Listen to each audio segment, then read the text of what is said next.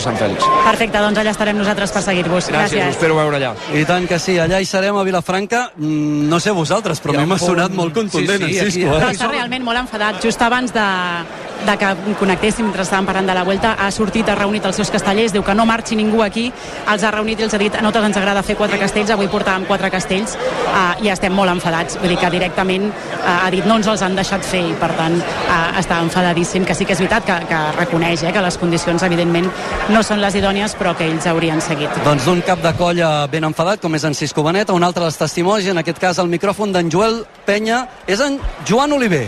Exacte, és el Joan Oliver, un dels quatre organitzadors, principals organitzadors, com li vulgueu dir, d'aquesta diada, al costat del Toni Rull, el Joan Díaz i la Goretti Gatell. Joan, eh, bona tarda i vaja. eh, Bona tarda, bueno, és una manera de dir, no? Sí, exacte, mal, mal afortunat. Ah, S'ha acabat suspenent la diada, no sé si ha costat molt prendre aquesta decisió. Home, ha costat, però clar, la seguretat està per damunt de tots. Les colles, els castellers tenen les camises eh, xopes, els peus rellisquen i vull dir, per damunt de tot està la seguretat i hem cregut oportú. Primer hem deixat que les colles opinessin, elles han cregut que era necessària la suspensió i per part nostra ho han cregut que era just i agrair de tot cor, això que sí que ho vull remarcar, el fet que tot i durant les dues primeres rondes anant en plovisquejant, la, la diada ha continuat. I això ho vull remarcar per part de les tres colles, que el gran compromís que tenen en aquesta plaça es demostra actuant en aquestes condicions. Home, I hem vist castells amb èpica arran d'aquesta pluja. Exacte, d'aquí ve, que això és molt de valorar, la plaça això ho tenim molt present, ho valorem molt i per les tres colles demostren aquest gran compromís que tenen amb la plaça. Fa, fa més de 30 anys que estàs organitzant aquesta diada, no sé si t'havies trobat... Jo, jo em farà, d'aquí dos no farà 50. 50, més de 30 en són, eh? Sí, sí, sí.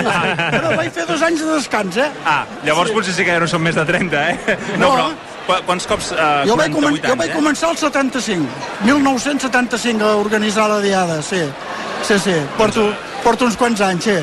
Eh? I, I quants cops s'ha cancel·lat d'aquesta manera? Uh, cap.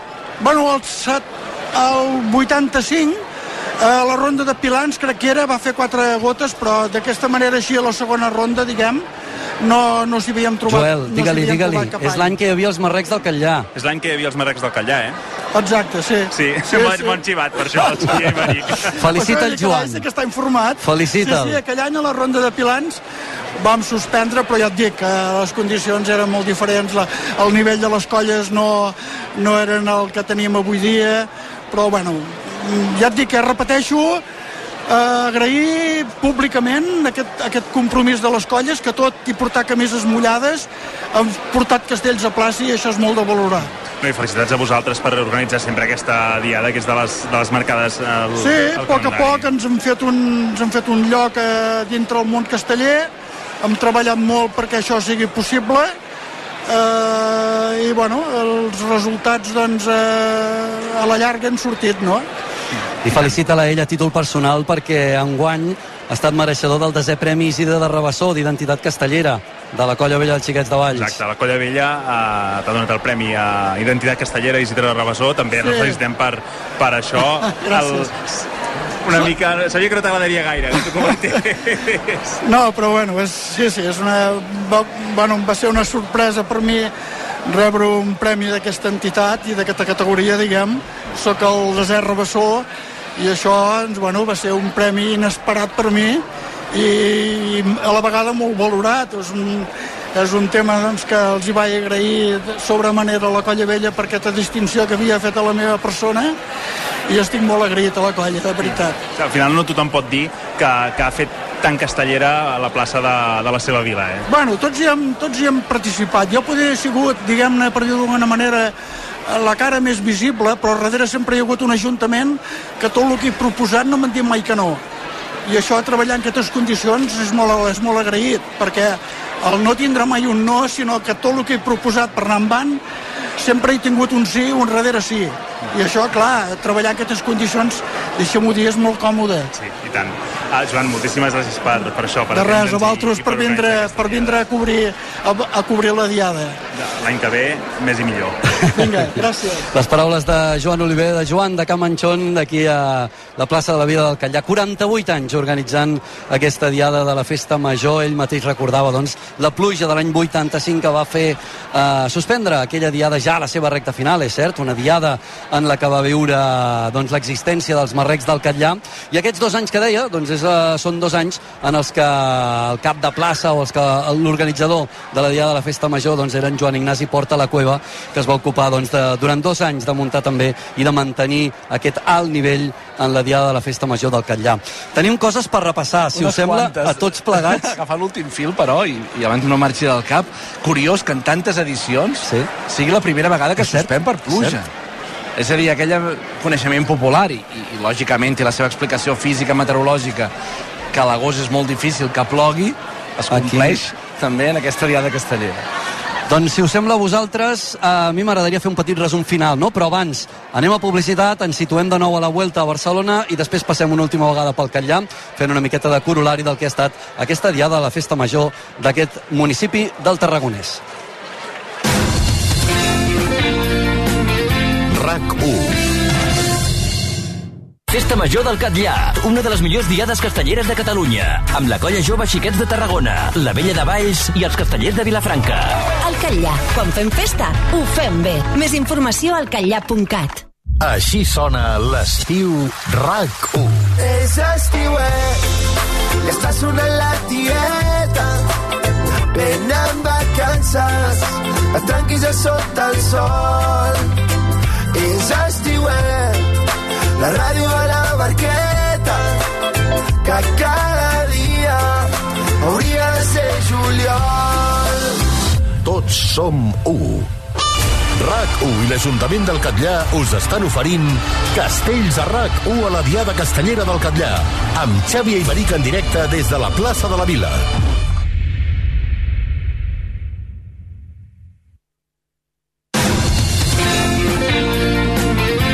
RAC1 Festa Major del Catllà, una de les millors diades castelleres de Catalunya, amb la colla jove Xiquets de Tarragona, la Vella de Valls i els castellers de Vilafranca.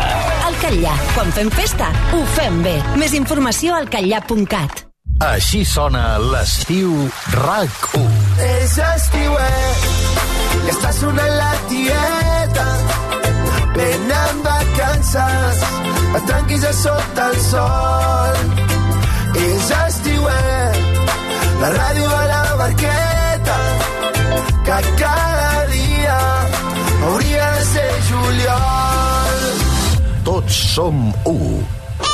RAC1 i l'Ajuntament del Catllà us estan oferint Castells a RAC1 a la Diada Castellera del Catllà amb Xavi Iberic en directe des de la plaça de la Vila. Dos quarts i mig de vuit del vespre d'avui, dissabte 26 d'agost de 2023. Cada dia hauria de ser juliol, diuen els tiets. Bé, com a mínim el juliol no plovia. Avui sí que plou, plou al Catllà, plou a Barcelona, Xavi. De moment afecta gaire a la Vuelta. Doncs mira, ara mateix acabem de veure la primera caiguda d'un equip, l'equip Arkea, Albert, just quan estava ja encarant gairebé la- l'última recta, la línia d'arribada, i caiguda d'uns quants dels seus ciclistes agafant aquest últim revolt. Sí, ha estat, jo crec que era l'últim o el penúltim eh, revolt. Eh, crec que ha estat Hofstetter, eh, un dels especialistes a l'esprint, que a l'hora de traçar aquest revolt eh, ha, patinat directament i això ha provocat una caiguda de tres ciclistes Uh, vaja, eh, sí, sí, és la primera caiguda que hem vist en aquesta contrarrellotge. Eh, L'asfalt està molt, molt perillós i, clar, eh, han acabat arribant eh, les unitats en comptagotes. Recordem que el temps el marca el cinquè ciclista de l'equip que passa per la línia de meta. Eh, per tant, en aquesta en, en, en, en l'Arkea, en, en, l'equip Arkea, fins que no ha passat el cinquè ciclista, eh, doncs no s'ha aturat el temps. Eh, ara m'estava fixant que potser aquest temps del DSM l'haurem de començar a prendre seriosament perquè com més passen, més plou o més s'acumula aigua sobre l'asfalt i pot ser que els eh, equips vagin encara menys, eh, amb més prudència. De moment el DSM és qui marca aquest millor temps de la contrarrellotge d'un circuit tècnic en què a l'inici hi ha bastants revolts, fins a la segona part del recorregut no hi ha un parell de rectes llargues al carrer Aragó i eh, és quan potser els ciclistes poden agafar més velocitat, però clar, insistim, molta aigua sobre l'asfalt i jo crec que eh, els favorits no arriscaran. Som ja a l'equador d'aquesta contrarrellotge que va de prendre la sortida l'Alpecin, l'equip número 12, són 22, per tant hem superat l'equador d'aquesta contrarrellotge de moment esperant els equips favorits que sortiran de partir d'aquí 20 minutets. De moment 17 minuts 30 segons marca el millor temps l'equip DSM que és qui ara mateix s'emportaria aquesta primera victòria en aquesta primera etapa de la Vuelta a la ciutat de Barcelona. I a primera a Molló com ho tenim? Doncs tenim el Cádiz 0, Almeria 0, minut 38 de la primera part i a Granada, Granada 0, Mallorca 0, minut 10 d'Ardés titular al Mallorca, per cert, que ha estat a punt de marcar els primers 10 segons el conjunt eh, mallorquinista, el conjunt de Javier Aguirre, per cert, aquí no hi ha hagut cap gest eh, pel tema de Geni Hermoso. El president en funcions, Pedro Rocha, ha pres ja la seva primera decisió, retirar el comunicat d'aquesta tarda de la Federació Espanyola eh, criticant a Geni Hermoso per inapropiat. Per tant, aquesta és la primera decisió de Rocha déu nhi doncs, eh, com, eh, com van passant cosetes avui amb la, la Reial Federació Espanyola de Futbol, les primeres conseqüències a tot plegat, doncs, eh, després de, de tot el show que ha muntat el senyor Rubiales i que hem anat seguint també des de rac Encara en directe des del Catllà i amb nou testimoni al micròfon de l'Anna Marín. Sí, de fet, sóc amb el Manel Urbano, el cap de colla de la Colla Vella, que l'hem arrencat d'aquesta recepció que fa l'Ajuntament del Catllà per donar les gràcies a les colles que han vingut avui. Uh, Manel, el que dèiem, eh, s'havia de suspendre aquesta diada tal com estàveu. Sí, jo crec que inclús una mica abans i tot. Entenc que eh, Jove Tarragona tenia ganes de provar el 2 de 9 i això ha fet, però és que nosaltres realment després de quan ens ha tocat fer el 4-9 abans havia ja intentat parlar amb els caps de colla però clar, entenc que hi havia ganes de fer els castells que han fet a segona ronda però nosaltres ens hem trobat que ja al, al lligar el 4-9 que han tingut problemes, peus de crosses que marxaven, segons també que, que clar, estaven molt mullats perquè feia molta estona que estàvem sota l'aigua i crec que ha sigut un encert perquè ja la seguretat ja no era... O sigui, treballem molt per la seguretat dels castells i en aquest cas sí que hi ha moltes ganes i tal, però hi ha hagut un moment que era excessiu, excessiva aigua a les camises. Uh, com pot ser d'important que avui només hagueu pogut fer aquest primer castell, uh, que demà no se sap què passarà a l'Arbós, però que la situació serà bastant semblant, si no plou um, quasi, uh, de cara a encara a Sant Fèlix? Per nosaltres era importantíssim avui fer el 4 amb el Pilar i fer el de sortida. Era importantíssim i una mica ho he predeminat el sorteig perquè, perquè si haguessin sortit primers, doncs a vegades eh, toca doncs, eh, no tens tothom, però bueno, als 6 segons i veiem que tenim tots els punts, que ha sigut un encert sortir de, de 4 amb el Pilar, que, que és un castell que és la tercera vegada que fem en guany, que l'últim dia que el vam fer no vam fer tindre a fer canvis d'últim moment i que a més a més el dia del, de la Bisbal vam prendre mal alguns dels punts. I avui fer-li fer la sortida i fer bé com l'hem fet és importantíssim per nosaltres per, per l'evolució de la colla. Clar, i ara m'ho estaves comentant, eh? segurament de Sant Fèlix eh, és probable que obriu amb aquest 4 amb el Pilar. Eh, què més podem esperar de la colla vella el dimecres? Bé, intentarem... No m'agrada molt dir els castells que farem, ja ho sabeu, però, perquè, però tothom sap en cartera els castells que estan sejant cada colla i penso que el que volem és sortir de la Lliga de Sant Fèlix o intentar sortir amb la millor actuació. Els castells que ensegem no, no, no els descobriré, que ja els sabeu tots, i, però sí és veritat que, que hi ha algú que està més madur que l'altre i que el que sí que tenim clar, perquè com vaig explicar una mica a la de premsa, és que crec que hem de ser conscients que, que les colles estem bé, però no, no tenim el mateix múscul que teníem al 16, al 17, al 18, no? aquelles anys, i la pandèmia doncs encara que tenim seqüeles, que no és una excusa perquè a nivell sobretot de canalla totes les colles estem patint i anem amb peus de plom i penso que s'han de mirar Sant Fèlix ronda a ronda i intentar poder fer el Pilar a la quarta ronda, que és el que tots volem, fer tres castells i que ens vagin tots bé i a la quarta ronda fer el Pilar i, i fer un bon Sant Fèlix. Molt bé, moltes gràcies Marel, ens trobem dimecres. Molt bé, moltes gràcies Les paraules de Manel Urbano, el cap de colla de la colla vella dels xiquets de Valls, quan ens acostem ja a tres quarts de vuit del vespre. Aquí la diada s'ha acabat eh, i s'ha acabat amb els tres caps de colla al balcó de l'Ajuntament i un dels membres de l'organització doncs, anunciant, agraint la participació de tots, agraint la paciència, agraint que hagin vist i s'hagin fet castells sota la pluja i també destacant, Esteve, doncs un dels detalls no? que se'ns ha escapat potser abans quan, quan resumíem, que és aquesta, aquesta protecció dels castellers també. Clar, la seguretat, no? I, I és una reflexió que han anat fent. La seguretat, sempre parlem de la seguretat dels castellers i les castelleres de la canalla, i avui, amb les camises mullades, ho dèiem a l'inici, quan ens fèiem la pregunta amb el Benet, no? de, de com condiciona la pluja, com condiciona l'aigua una diada castellera.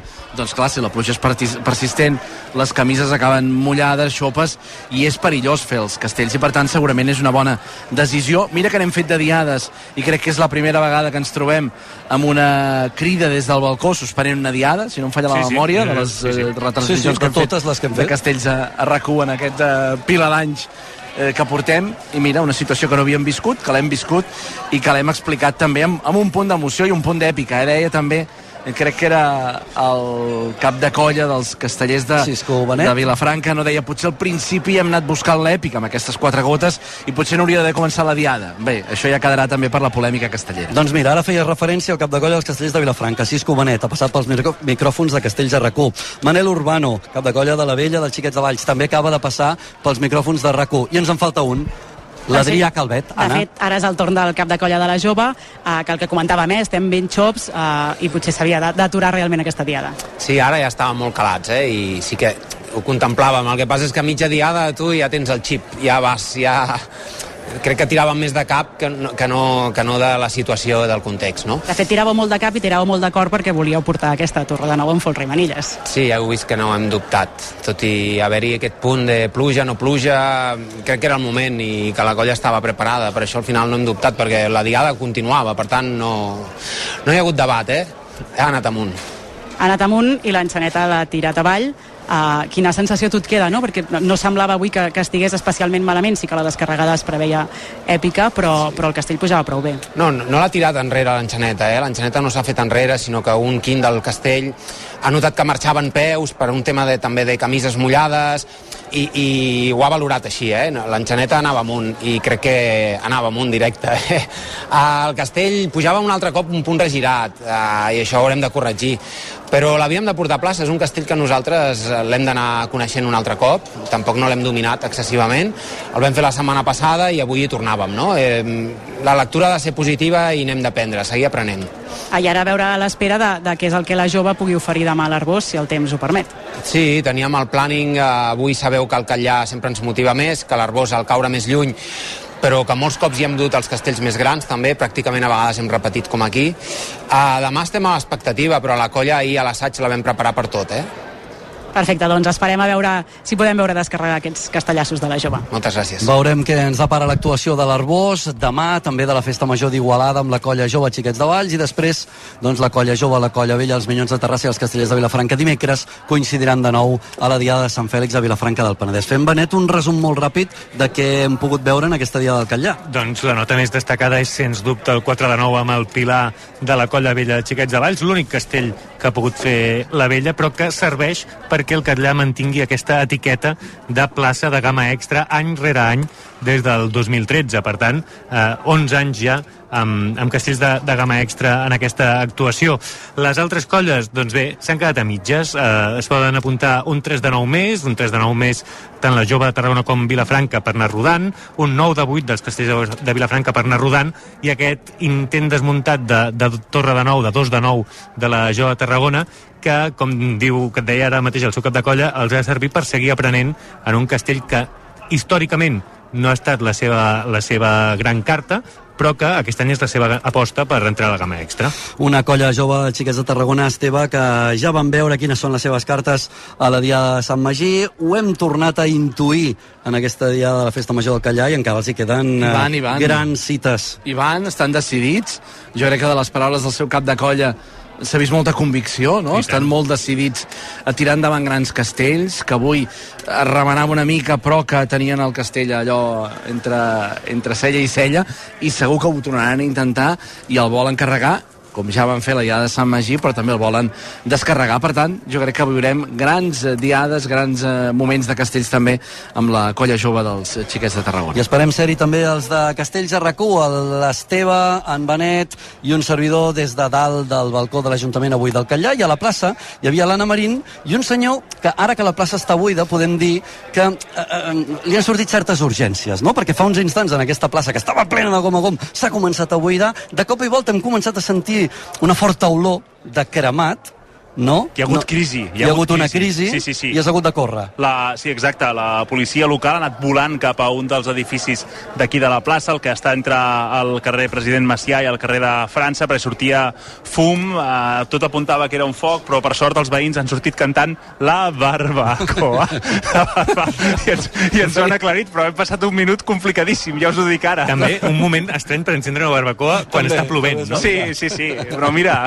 T'han donat un moment de glòria, eh, Joel? Hi, hi, havia, hi havia restriccions, no es podia fer foc a l'aire lliure, eh, s'han aixecat aquesta passada mitjanit i llavors eh, qualsevol moment és bo per fer una mica de xallet o una verdura al caliu. Com eh? cantaven, com cantaven, Joel? eh, veïns? l'altre com hi s'ho capà, eh? Ai, bandido. Ai, ara plou o no, Xavi, al Catllà? Ara sí. només cauen quatre gotetes perquè ja. estava pensant, quan, eh, els castellers porten una camisa només a, a cada actuació. Sí. Sí, sí. De fet, Una. la majoria de castellers... En tenen de, una, només, o- La majoria de, de, de castellers de les colles, diguem-ne, normals, Mm. tenen una, dues camises. És veritat que els d'aquestes colles grans, que a vegades tenen maratons... Mira, Vilafranca actua avui aquí, demà a l'Arbós. El dia 29, mm, el, a la seva festa major, el dia 30 a la seva festa major, i el dia 31 a la 31 seva també. festa major. És a dir, sí. fan cinc dies seguits. Aquests normalment en tenen més, més d'una a l'armari. Com es nota que no us esteu mullant? eh? Exacte, exacte, que diu un par de gotes, però aquí a sota Ens podeu, ens podeu acomiadar ja. No, no, perquè pensava que si no... Si, si Ara és plou, que ara hagués... plou amb ganes. Espera't, eh, que ara acabo, eh? Però que si hagués, si hagués parat de ploure, un canvi de camisa Clar, no, seria clar, una clar. solució Ben per... vist, eh, Ben vist. Jo és que de les teves paraules, Xavi, he vist clarament On anaves, que no? demanaves eh, colles castelleres amb fons d'armari. De fet, hi havia molts que es posaven el mocador sobre les aixelles quan no havien Sí, de, i de i pujar tot, i el cap i intentaven salvar una mica això perquè al final quan poses el peu sobre una camisa mullada el peu rellisca. Escolta, doncs no és mala idea, eh, Xavi? Jo, jo m'apunto això per dir-ho per dir Tu les t'ho apuntes meves, eh? tot, tu t'apuntes als Generant- calçotets que porten sort, t'apuntes al doble, la doble camisa, de tot. Puig. Grans testimonis a peu de plaça, els caps de colla, també la reacció del públic. Uh, quin silenci que s'ha fet ara, Sí, com sí, sento ressonar la meva veu. aquí, Uh, I també doncs, les incidències que passen en una plaça com aquesta de mans de l'Anna Marín i d'en Joel Penya, que avui ha tingut una feinada, treure's les ulleres, posar-se-les, fregar-les, tornar-les a treure i tornar-se-les a posar. No veu anar. Anna, Joel. sobre el tema camises, una de les No converses... manera. Una de Xavi, les ho conver- veus, no, eh? perquè està, sí. és No interessant, allarguis, perquè no una de les converses que estaven tenint els castellers a plaça era veure quina de les tres camises era la que tenia el tèxtil que relliscava menys. Eh? Això Ah, ho he no, no, no, per, per, perdona, és que traurem és un tema, és un conclusions. ha tema. obert un filó. Sí. Xavi Puig ha obert un filó. Les camises. Anna Marín, bona tarda i moltes gràcies. Gràcies a vosaltres. Joel Penya. Fins Bona tarda. aviat, xato. Fins aviat, fins aviat. Tapa't, que plou. En fi, això està tot des de Vilafranca, des de Vilafranca al Penedès, no, des del Catllà. A Vilafranca al Penedès hi serem dimecres, els de Castells a rac La Mireia Esteve també ens acompanyarà. Avui ha seguit aquesta diada a través de l'usuari Castells a rac i també de l'etiqueta CRAC1, la C de Castells i rac Una diada amb castells, amb bons castells, grans estructures, gamma extra, però finalment també passada per aigua i que ha hagut d'acabar posar el seu punt i final abans d'hora. Ha estat un plaer acompanyar-vos. Xavi, ara tot vostre amb el que queda d'aquesta primera etapa de la Vuelta Ciclista a Espanya. Gràcies, Xavi, companyia. Fins ara. RAC1 i l'Ajuntament del Catllà us han ofert Castells a RAC1 a la Diada Castellera del Catllà amb Xavi Iberic en directe des de la plaça de la Vila. Malauradament, acabada abans d'hora per culpa de la pluja. 7 i les 8 també plou a Barcelona, però en principi, a no sé que la cosa empitjori de manera alarmant, l'etapa de la Vuelta condicionada, però sí, Albert, que, que es podrà acabar avui a la ciutat de Barcelona. Sí, sí, es podrà, es podrà acabar. Eh, de moment, eh, Xavi Puig, continuem amb el millor temps del DSM, de Roman Bardet. Van arribant els equips, no poden superar el temps. Acaba d'arribar, fa 3 minutets, a l'equip Bahrein de Mikel Landa. S'ha quedat a 10 segons de superar el temps del DSM i continua plovent, però Eh, bé, és eh, una pluja continuada. Ara ja portem uns, eh, una bona pila de minuts en què és constant, eh, evidentment emprenya, eh, mulla, però crec que no perilla la, el que queda d'etapa. Que Vaja, ens queden ja pocs equips. De fet, el, un dels eh, favorits, l'Ineos, està a punt de prendre la sortida. Eh, Ho farà quan faltin 5 minuts per les 8 del vespre. Diria que encara no ha pres la sortida l'Ineos, de Geraint Thomas, el segon classificat al Giro, eh, de fa uns mesos. Un dels no diria candidats a la victòria, però sí que pot intentar lluitar pel, pel podi, doncs serà el proper equip que prendrà la sortida d'aquesta etapa de la Vuelta, pendent sobretot del Jumbo. El gran favorit a les 8 i 7 minuts, el favorit d'aquesta Vuelta, amb un equipàs per aconseguir el que no ha fet mai ningú en categoria masculina, que és guanyar les tres grans voltes al mateix any. Roglic va guanyar el Giro, Vingegaard va guanyar el Tour, i per la Vuelta hi són tots dos, acompanyats per Sepp Kuss, Gessing, Kelderman, Van Barle, vaja, un equipàs amb els millors ciclistes ha vingut al Jumbo, sap que pot fer història i no vol desaprofitar aquesta oportunitat. Veurem qui serà el líder. De moment és un colideratge entre Roglic i Vingegaard, els dos tenen bon rotllo, diuen que no hi ha líders, que aquí l'important és que l'equip guanyi, fins i tot eh, crec que va ser Roglic que va fer broma i va dir, escolta, Sepp Kuss també pot ser perfectament guanyador d'aquesta Vuelta.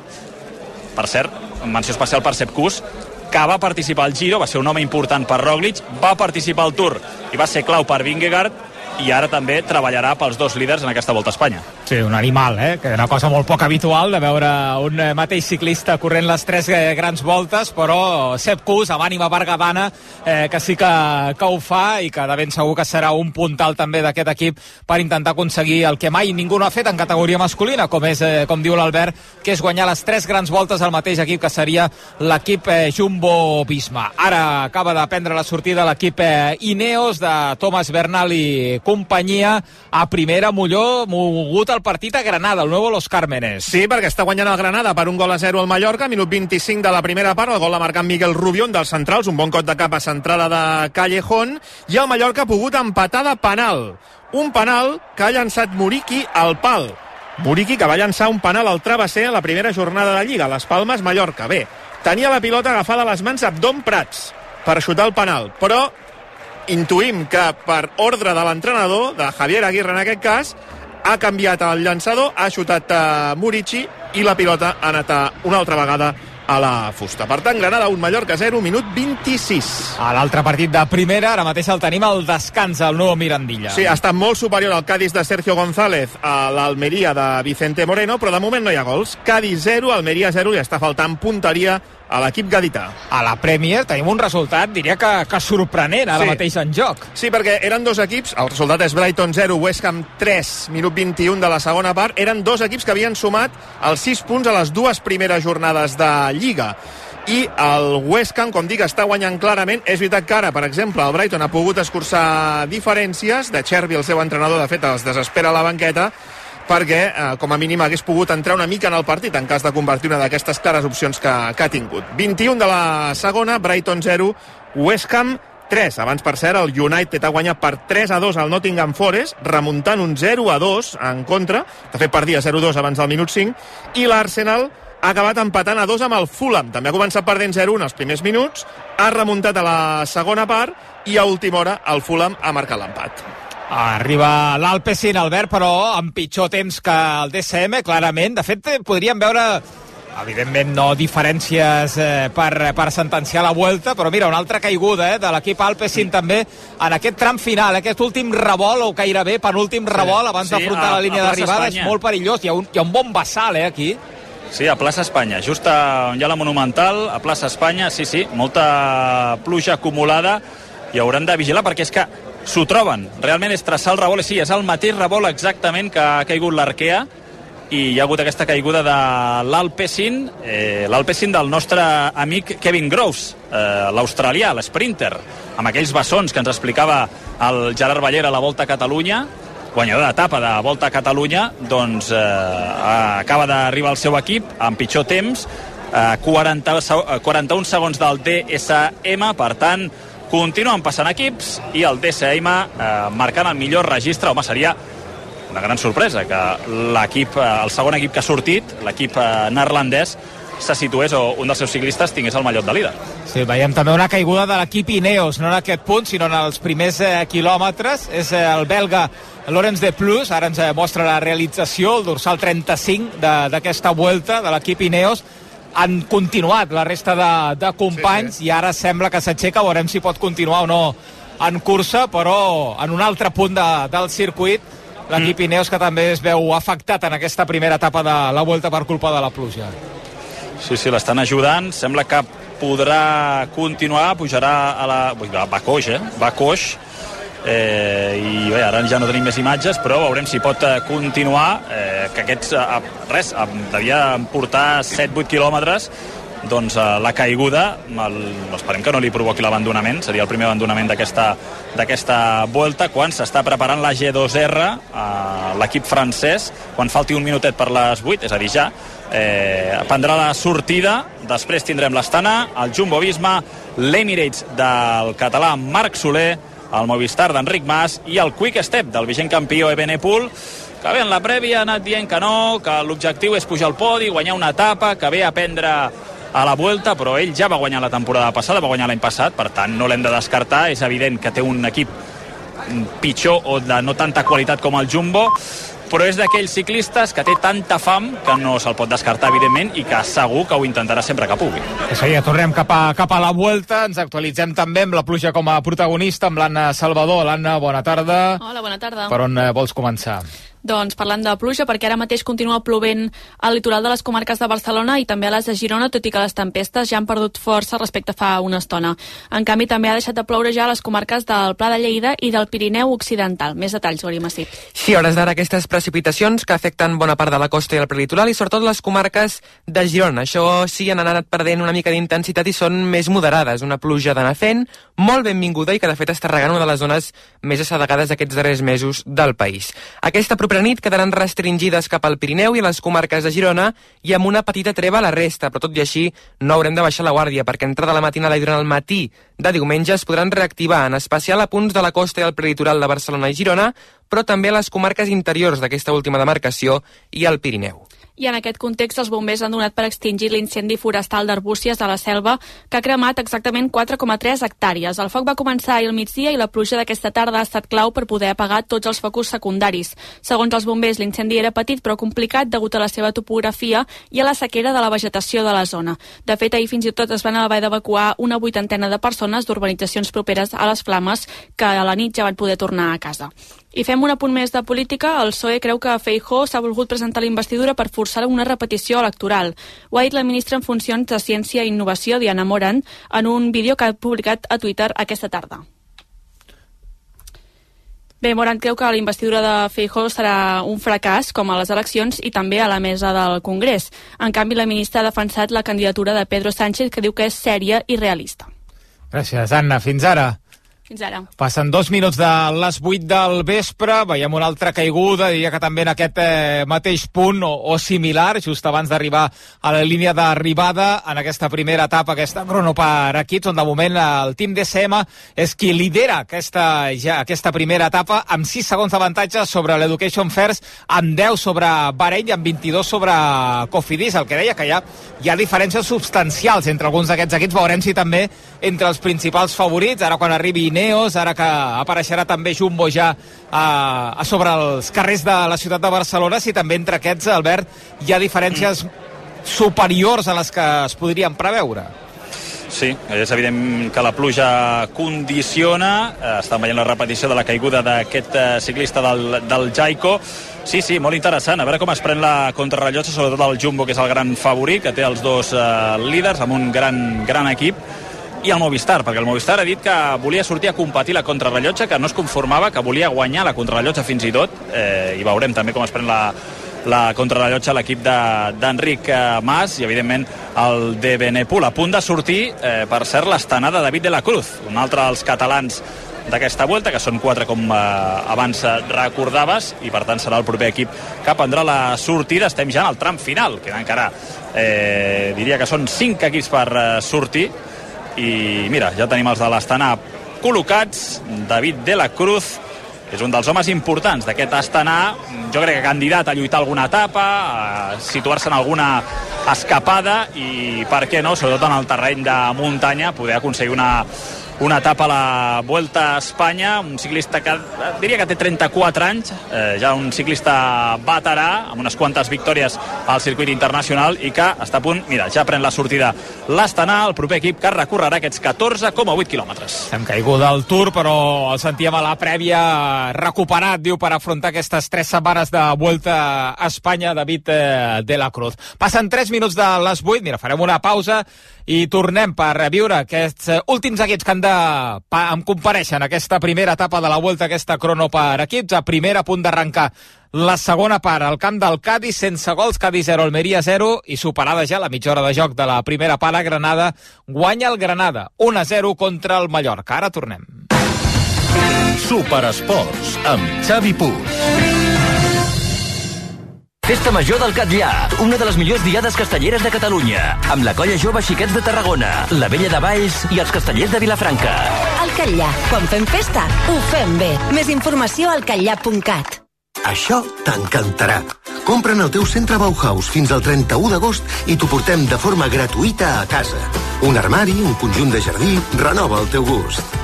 Bauhaus, el teu centre de bricolatge, reformes, decoració i jardí. Consulta les condicions. RAC 1. A veure, hi són totes? Va, que arrenquem, Sergi Ambudio. Tu portes el mapa, eh? Sí, sí, jo faig de copilot. I també porto despertador per obrir el món. Però, Angelines, calia portar vuit maletes, dona. Claro que sí, Roca Mare.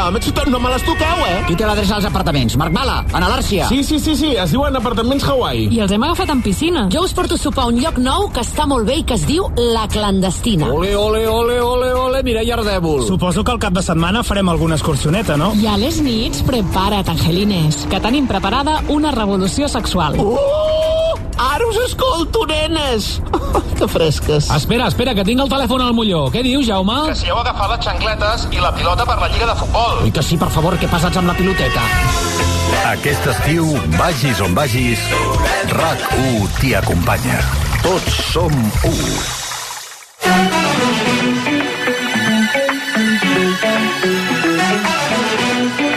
A RAC1 Like we danced into a nightmare. We're living 1984. If double think's no longer fiction, we'll dream of Huxley's island shores. Passen 6 minuts a les 8 del vespre, Superesports, eh, fins que s'acabi el partit del Girona. De fet, a partir de les 9 ja tota la prèvia d'aquest eh, Sevilla-Girona des del Sánchez Pizjuán amb el Miquel Agut i companyia i a punt a punt de sortir 8 i 7 és l'hora prevista, queda mig minut l'equip Jumbo-Visma, aquest equip que busca el que no ha fet mai cap equip, que és guanyar les 3 grans voltes, les 3 voltes de 3 setmanes en una mateixa temporada. El 2023, després d'haver triomfat ja al Giro d'Itàlia amb eh, Primo Roglic, d'haver triomfat al Tour de França amb Vingegaard, busca també el triomf en aquesta vuelta, i són tots dos, Vingegaard i Roglic, veurem qui acaba sent el cap de files d'aquests dos per aconseguir aquesta victòria. Cara de concentració es mostra el realitzador tant en la cara de Primoz Roglic com també en la cara del vigent campió del Tour de França de Vingegaard abans d'afrontar sota la pluja també la, cara de Sepp Kuss, d'aquest home indestructible que ha corregut eh, les tres grans voltes aquesta temporada de tres setmanes. Veiem ja com, amb precaució, Albert, afronten aquests primers metres sobre aquesta plataforma, sobre l'aigua, en aquesta platja del Somorrostro.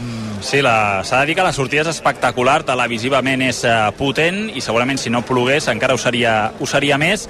Primers metres pel Jumbo Visma amb Roglic, Vingegaard, Sepp Kuss, Gessing, Kelderman, Van Barble, Walter i Tratnik. Aquest és el- l'equip, els vuit ciclistes del Jumbo Visma que estan recorrent aquests primers eh, metres i veurem el comportament, el rendiment en aquesta contrarrellotge per equips i també sobretot el que puguin dir després de l'etapa, si realment hi havia instruccions de frenar una mica o que era de competir, d'intentar agafar el lideratge ja en aquesta primera etapa, tot i, tot i la pluja. I tenim gol a primera, Molló. Sí, empat al Mallorca, el Nuevo Los Cármenes, una rematada d'Abdon Prats, falla el porter Raúl Fernández, de fet no està gens bé Miguel Rubio en l'inici de la jugada, i després la rematada d'Abdon Prats des del punt de penal, la toca lleugerament a Raúl Fernández, però la pilota se li dobleguen les mans i l'acaba entrant lentament al fons de la porteria. És veritat que és una rematada de molt a prop, però no està bé aquí el porter. 38 de la primera, Granada 1, Mallorca 1.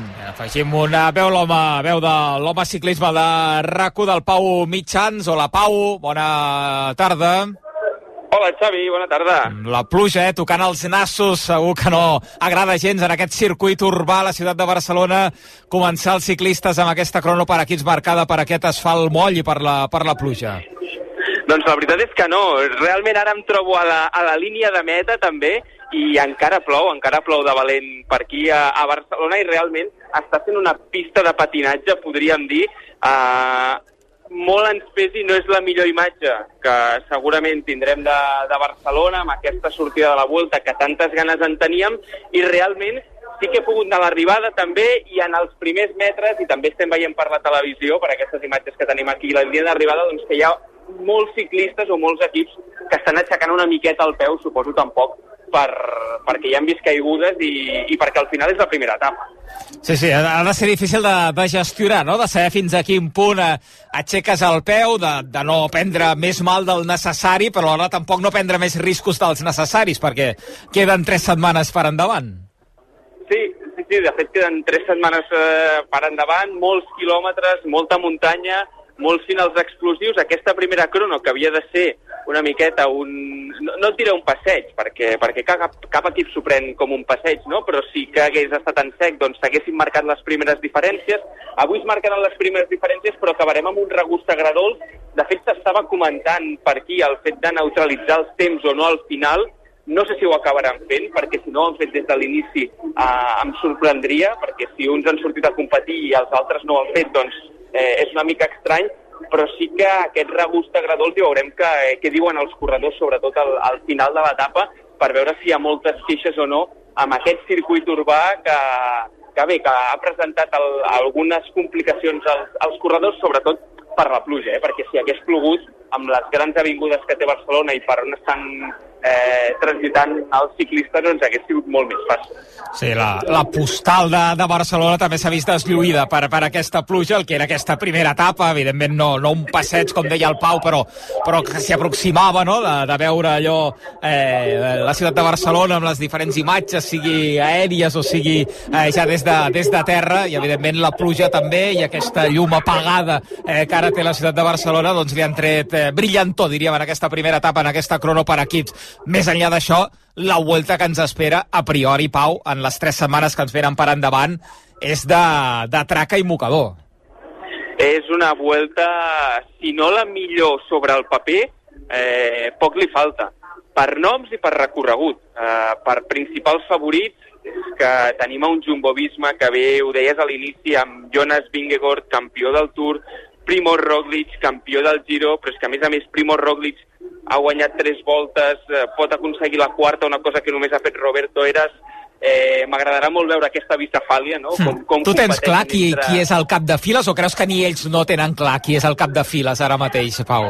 Així, a priori, Xavi, et diria Roglic. Eh, no, no per res, sinó per, per un tema de calendari, per com ha preparat calendari el, el Primo Roglic. Al final tenia molt clar que venia a fer el Giro i venia a fer la Vuelta. A més a més, se sent com a casa. En aquestes, en aquestes primeres etapes l'hem vist uh, més que etapes en aquests primers dies previs. no L'hem vist somrient, l'hem vist uh, molt relaxat, uh, com, com corrent a casa. Aleshores, crec que Primo Roglic parteix amb una miqueta més de d'avantatge, si se li pot dir d'aquesta manera, però és que jugaran les dues, jugaran les dues cartes i crec que al final serà la pròpia carretera a qui posarà al capdavant un dels dos. Però així d'entrada, jo et diria Primo Roglic.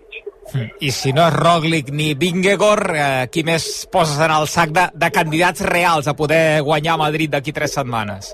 És que en tenim molts, eh, de fet eh, sembla un cartell d'aquells de, de, del Primavera Sound o de qualsevol festival d'aquests que es fan aquí a Barcelona, però així d'entrada et diria Remco Evenepoel, eh, al final és el vigent campió de la Vuelta, no ens hem d'oblidar, i ja ha guanyat la, el, el Mundial, la Crono, eh, el Mundial de Crono, per tant Remco Evenepoel és un altre dels noms a tenir molt en compte i, i un dels possibles a vestir el mallot vermell a, a Madrid, però també et diria Juan Ayuso. Tinc moltes ganes de veure Juan Ayuso després de veure Carlos Rodríguez al Tour, una altra de les perles del ciclisme espanyol. Eh, és un dels candidats i després jo un esglaó per sota situaria els Enric Mas, els Geraint Thomas, el Joe Almeida. Crec que, ostres, eh, pensar que puguin guanyar aquesta vuelta és complicat tenint en compte que, que tenien aquests noms. Tens a Vingegaard, tens a Roglic, tens a Ayuso, tens a Benepul per davant, Uh, però aquests serien una miqueta els candidats uh, que, que guanyaran o que poden guanyar aquesta volta i que, i que ocuparan segur llocs del pont. Ha sortit ja l'Emirates, Albert, i veiem arribar Ineos a 20 segons de DSM, que és qui continua marcant el millor temps. Sí, sí, uh, 20 segons i hi ha hagut un ciclista que ha arribat despenjat. No sé si hi ha hagut alguna caiguda o bé, no podia aguantar el ritme, però sí, sí, a 20 segons eh, a Ineos, per tant, evidentment no guanyarà aquesta etapa eh, i DSM, Romain Bardet, que continua eh, líder de l'equip, eh, liderant aquesta contrarrellotge i el proper equip en arribar eh, serà la G2R, l'equip francès, eh, on Godon seria segurament el ciclista més, més destacat, doncs el proper en passar la línia de meta.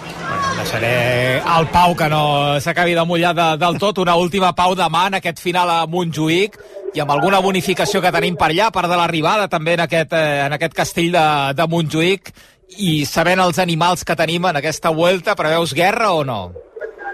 Jo crec que també el temps tindrà molt a dir. Mm. És a dir, demà, si cau un xàfec com està caient avui a Barcelona, potser els, els líders dels grans favorits es tapen una mica pel simple fet de, ostres, el que estem dient, no? És la primera setmana. Ara bé, si el temps es manté, jo veig un final molt bo per, per Primo Roglic. Ja ho vam veure a la Volta a Catalunya, ja vam veure com se les gasta Primo Roglic eh, aquí a Montjuïc, i, i m'atreviria a...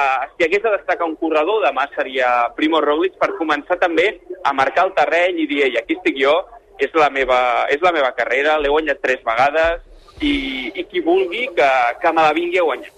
Avui hem vingut... Jo demà apostaria per Primo Roglic. Avui venim a mullar-nos, ja que plou, eh, i, el, i a Madrid, d'aquí tres setmanes, eh, a qui li dones el, el mallot de campió?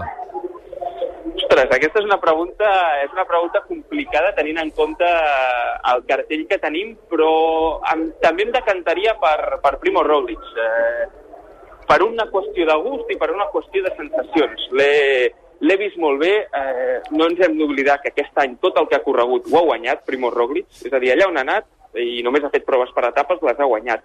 Uh, a més a més, crec que, crec que el Jumbo també voldrà guanyar pel, pel fet de guanyar les tres grans proves i se li adapta per les característiques a Primo Roglic una miqueta millor que a Jonas Vingegaard. Per tant, jo apostaria per l'eslovè que, que guanyarà Madrid eh, d'aquí tres setmanes. Doncs n'anem parlant amb el Pau Mitjans. Pau, gràcies, fins ara.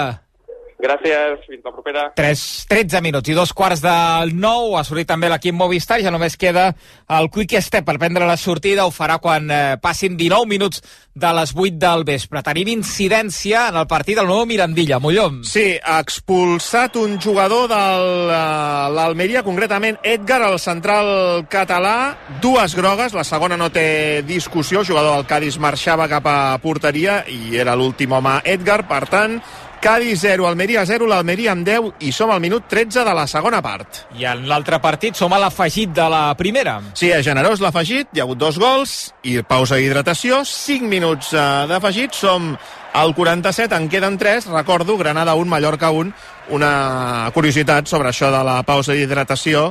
Aguirre, ja sabeu que no li fa molta gràcia tot això de, de les càmeres als vestidors, els micros a les pauses d'hidratació.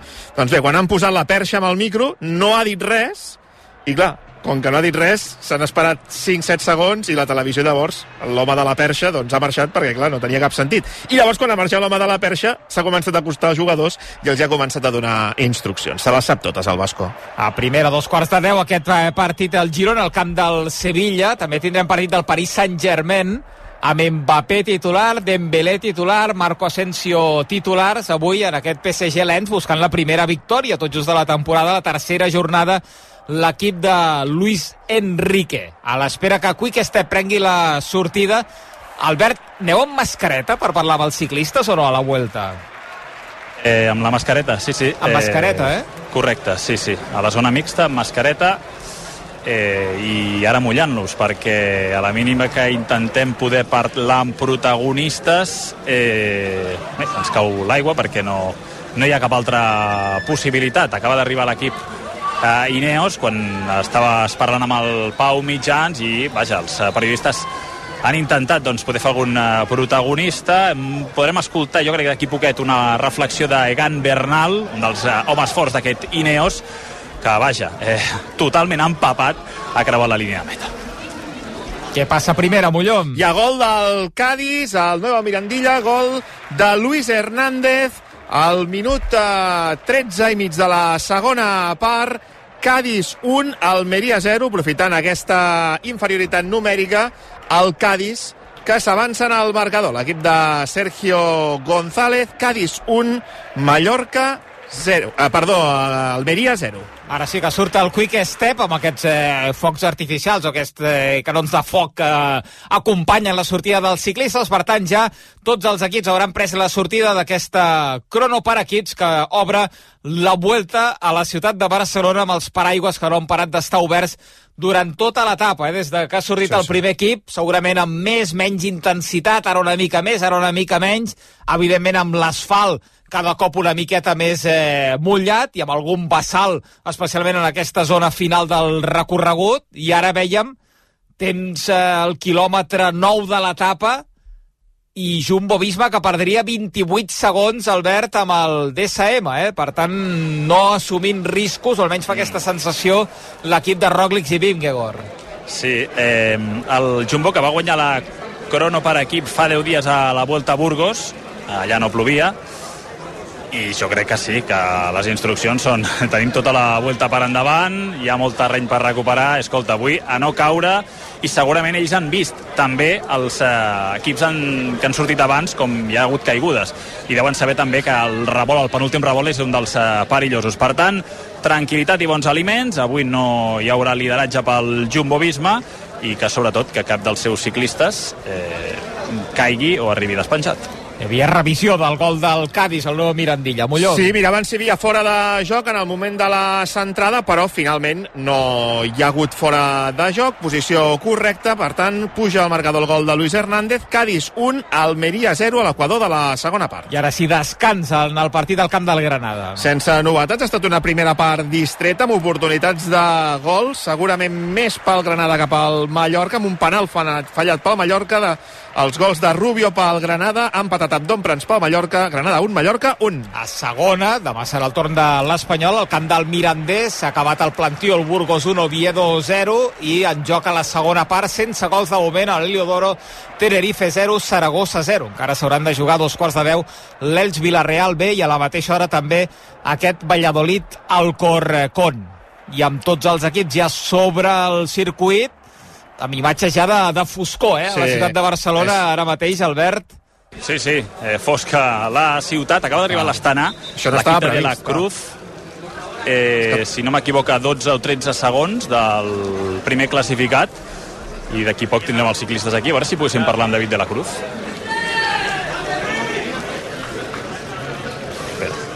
Uh, uns moments per refrescar-se, a veure si d'aquí a uns segons podem parlar amb el de Sabadell. El a 17 ciclista... segons ha arribat a 17 segons. l'equip eh, l'equip està anar a, uh, espera, que igual t'estic enredant eh? Uh...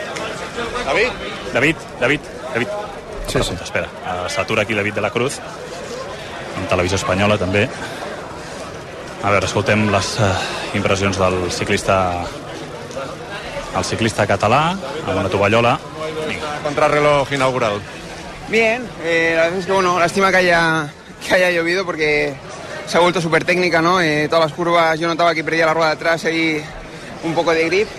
Luego encima ha oscurecido muchísimo y apenas se, se podía ver, pero bueno, eh, yo creo que ha sido un recorrido precioso cuando he visto el, cuando he hecho el reconocimiento en mejores condiciones, sin lluvia y más de día, ostras, más la sensación que era la crono por equipos más bonita que había hecho en mi vida y sin duda la mejor que ha hecho la vuelta en, en todas las ediciones que llevo llevo recorrido, así que chapo por, por la vuelta y por Barcelona, ¿no? Por usted dejarnos ver ahí la Sagrada Familia, la Torre Akbar, el Arco de Triunfo, verlo en el reconocimiento, porque la crono no, no, se podía ver, pero, pero bueno, creo que ha sido un, un recorrido espectacular, hemos hecho la mejor crono que hemos podido, creo que hemos llegado ahí con el quinto mejor tiempo de momento. Y nada, pues ahora a recuperar y a pensar en la etapa de mañana. Gracias. David, les instruccions eren de de no, de no prendre molts riscos? Heu sortit a competir al màxim? No, home, hem sortit amb la idea de competir, però, però sense, prendre, sense prendre tampoc gaire riscos perquè sabem que, que era super, super perillosa, no? I avui pots perdre molt més del que pots guanyar si, si tens una caiguda. I per tant, doncs, bueno, hem fet una crono amb idea, no?, de, de fer les coses bé, d'on es podia apretar, apretar a tope i on no es podia apretar doncs, doncs anar una mica més de calma. A nivell de personal, eh, intentar guanyar una etapa, lluitar per, per ficar-te les escapades, intentar col·locar-te alguna escapada? Bueno, començarem la idea de fer la general, ja veure com, com passo els primers dies, que és superdur la volta de començament i així es pot veure millor. Gràcies. Doncs eh, les paraules del ciclista català David de la Cruz. Bé, m'ha dit que primer la general, eh? res d'etapa ni de fugues ni escapades, que primer vol veure les primeres etapes si es pot col·locar bé a la general i després doncs sí que pensar en altres objectius. Bueno, amb DSM liderant amb 6 segons sobre Education First i també sobre Grupava, amb 10 sobre Bahrein, amb 17 sobre Astana, com ara deia David de la Cruz, cinquè en aquesta classificació de la primera etapa, 20 segons a Padut Ineos, 22 eh, Cofidis i com dèiem Jumbo en el Equador més o menys de la prova per dia 28 segons. Ja sobre DSM veurem eh, quants segons es deixa. Doncs mira, a... que és a camí de guanyar l'etapa. Jumbo un segon, ara perd, no, no, encara no arriba, ara pensava, m'ha enredat, pensava que ja Sí, sí, semblava. era l'arc de- d'arribada, però encara li queda algun revolt. Sí. A l'equip Jumbo hi ha un arc, hi ha un arc que sembla l'arribada, però és a uns 250-300 metres de la línia de meta, i enganya.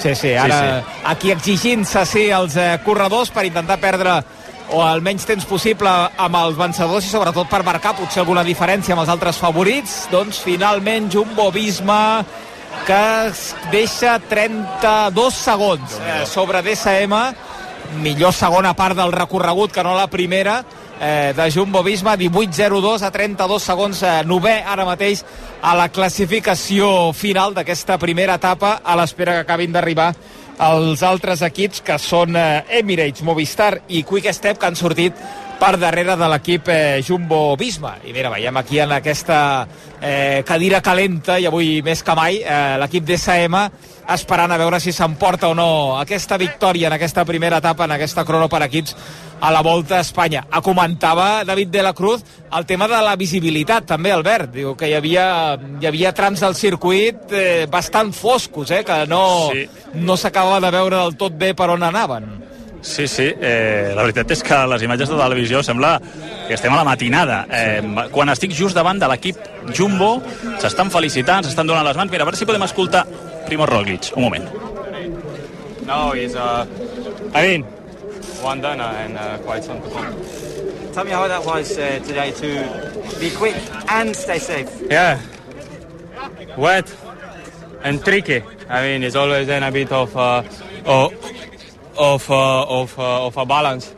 Uh, and uh, yeah, I mean, uh, we did. Uh, we, we we came through, so uh, I can be happy about it. Uh, when uh, are you happy? I mean, what, what was the goal uh, when you saw the circumstances today then? To go through uh, without uh, any of unnecessary uh, No bigger risks. problems, yes, than uh, than really uh, uh, big losses. Uh, actually, I don't know completely how the times are, but uh, yeah, we went through, and uh, it's stage one of 21, so 20 more, or here. Doncs les paraules de Roglic que ha dit que, vaja, que salvar l'etapa era el Sí. primer objectiu i que, escolta, estava content que ningú havia pres mal, tot i que jo en algun moment he vist només sis ciclistes als eh, quilòmetres finals, no sé si algun s'ha despenjat. Eh, intentaré, mira, vaig cap a Sepp Kuss, a veure si el podem escoltar. A veure, un momentet. Tanta lluvia, pero es, es igual para, para todos y sí, quizá sería un poco más, más divertido o, normal eh, con una- un recorrido seco, pero no, hemos salvado muy bien el día. Una pena la, um, ah, el problema con, con Jonas, pero no. mantuvimos todo tranquilo y sí, creo que perdimos unos 30 segundos y no es, no es nada para la primera etapa. Seguro que salíais a ganar, pero viendo cómo estaba el día, habéis dicho, con no caernos tenemos bastante. Sí, sí, con, con tiempo tan complicado así es mejor ir con calma en las, en las curvas y mantener el, el grupo junto a toda la crono y sí, no tomar riesgos. Gracias, suerte. Gracias. Doncs eh, Sepp Kuss, eh, el gregari que tothom voldria, que tots els equips voldrien, eh, parlant en castellà, evidentment, ja ho comentaves abans, Puig, arrelat amb arrels fermes a Catalunya, i a veure, espera, m'apropo a Vingegaard, a veure si està parlant en anglès. Jeg vil sige, at øh, vi havde ligesom to, to planer på en eller anden måde. Vi havde en plan, hvis det var tørvejr, ligesom ville... Mm, crec que no, No. és anglès, diria que és... No, no, no. Sepp que ha parlat de- d'algun problema amb Jonas. Uh, Sí, el sí, pr- sí. primer tram de l'etapa i que han arribat a perdre, diu, ell calculava eh, un mig minut, d'aquí potser també aquest, eh, aquest millor segon tram de crono que ha fet l'equip Jumbo, que no pas el primer, però parlava d'aquest problema que hauria tingut Jonas Vingegaard en els primers eh, quilòmetres d'aquesta etapa a Barcelona. Ara veiem arribar Emirates, que marca 37 segons de desavantatge sobre el que continua sent el líder d'SM, tot i que veiem que en el pas intermig Movistar és qui marcaria el millor temps. Sí, per tant, l'equip d'Enric Mas podria acabar liderant aquesta primera etapa de la Only Vuelta. losing 32 seconds to DSM is quite good uh, when you think about we had a yeah we had a puncture, so uh, I think we can be happy with how it went. Rainy, slippery. Have you ever done a time trial, a stage like this before? Uh, Bé, eh, hem escoltat una resposta, una resposta a Vingegaard, eh, doncs parlant d'això, que